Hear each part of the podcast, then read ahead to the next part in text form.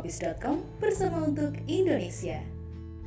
Apa kabar Sobat Holopis? Kembali lagi dalam program Cabe yang menginformasikan beberapa informasi yang telah ditayangkan di holopis.com. Untuk informasi pertama, Komisi 1 DPR RI mengingatkan Jenderal Andika Perkasa untuk bisa menyelesaikan berbagai persoalan yang akan diwariskan Marsikal yang diwariskan Marsikal Hadi Cahyanto selepas menjadi Panglima TNI. Anggota Komisi 1 DPR RI Dev Akbar Syah Fikarno memaparkan bahwa tugas paling terberat Andika jika sudah menjadi Panglima TNI yakini menyelesaikan konflik Papua yang sudah terlalu lama berlarut-larut. Dev juga menilai bahwa penyelesaian masalah Papua tak boleh hanya diserahkan ke TNI. Apalagi Dev menyebut masalah Papua akan terus berlanjut terlebih adanya dugaan yang terjadi di tanah Papua tersebut ada yang menandai. Selain masalah Papua, tantangan selanjutnya ialah memastikan aplikasi teknologi di lingkungan TNI semakin membaik, semakin banyak maksudnya. Militer Indonesia butuh peralatan tempur, patroli, serta pengawasan yang harus memanfaatkan teknologi. Berita selanjutnya, ratusan kabupaten kota di Indonesia kembali mengalami peningkatan kasus positif harian COVID-19. Menurut Menteri Kesehatan Budi Gunadi Sadikin mengatakan, dari Jawa Bali saja sudah ada sekitar 43 kabupaten kota yang mengalami peningkatan. Namun Budi menganggap jumlah tersebut terbilang masih sedikit dan masih terkendali. Budi juga mengungkapkan bahwa Presiden Jokowi memberikan mandat kepada pembantunya untuk memberikan prioritas kelima provinsi yang harus tetap dijaga angka positif positivity rate-nya. Berita selanjutnya, Ketua DPR RI Puan Maharani meminta pemerintah segera mengimplementasikan vaksinasi COVID-19 bagi anak-anak usia 6-11 tahun. Puan mendorong hal tersebut agar pembelajaran tatap muka atau PTM bisa lebih aktif. Badan Pengawas Obat dan Makanan BPOM telah mengeluarkan Emergency Use Authorization untuk pemberian vaksinasi bagi anak-anak usia 6-11 tahun. Meski izin penggunaan darurat vaksin Sinovac telah keluar, pemerintah menargetkan vaksinasi dilakukan pada awal tahun 2022. Kementerian Kesehatan juga menyebut pelaksanaannya baru bisa dimulai tahun depan karena persoalan anggaran dan skema prioritas vaksinasi berdasarkan risiko COVID-19. Puan pun berharap target itu bisa bisa lebih dipercepat lagi. Demikian beberapa informasi yang dapat kami sampaikan bersama saya Ronald Petrus holopis.com bersama untuk Indonesia.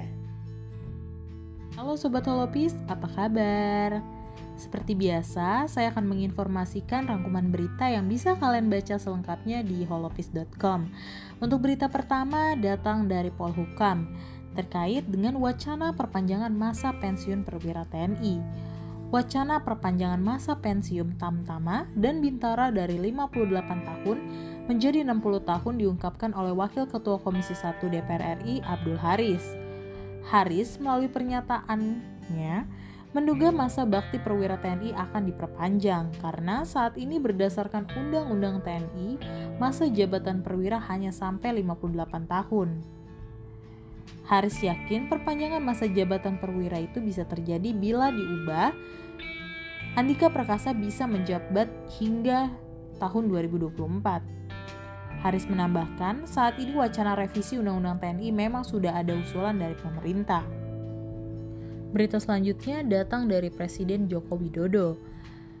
Presiden Jokowi meminta semua pihak mewaspadai lonjakan pandemi COVID-19 karena saat ini sejumlah negara di Eropa mengalami kenaikan kembali kasus virus corona.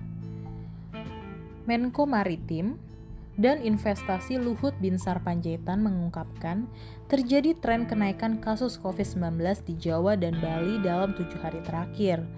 Kenaikan kasus terjadi di 43 dari 128 kabupaten atau kota di Jawa Bali atau 33,6 persen di daerah. Merespon hal tersebut, pemerintah bakal mengumpulkan daerah di 43 kabupaten itu untuk segera mengidentifikasi dan melakukan intervensi demi menahan tren kenaikan. Berita selanjutnya datang dari dunia hiburan. Fi Ahmad adakan sayembara 50 juta, warganet heboh.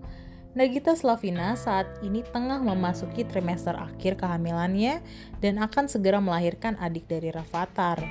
Raffi Ahmad sempat mengatakan keinginan sang istri untuk melahirkan di bulan November dan memilih untuk operasi sesar seperti kelahiran putra pertama Rafathar.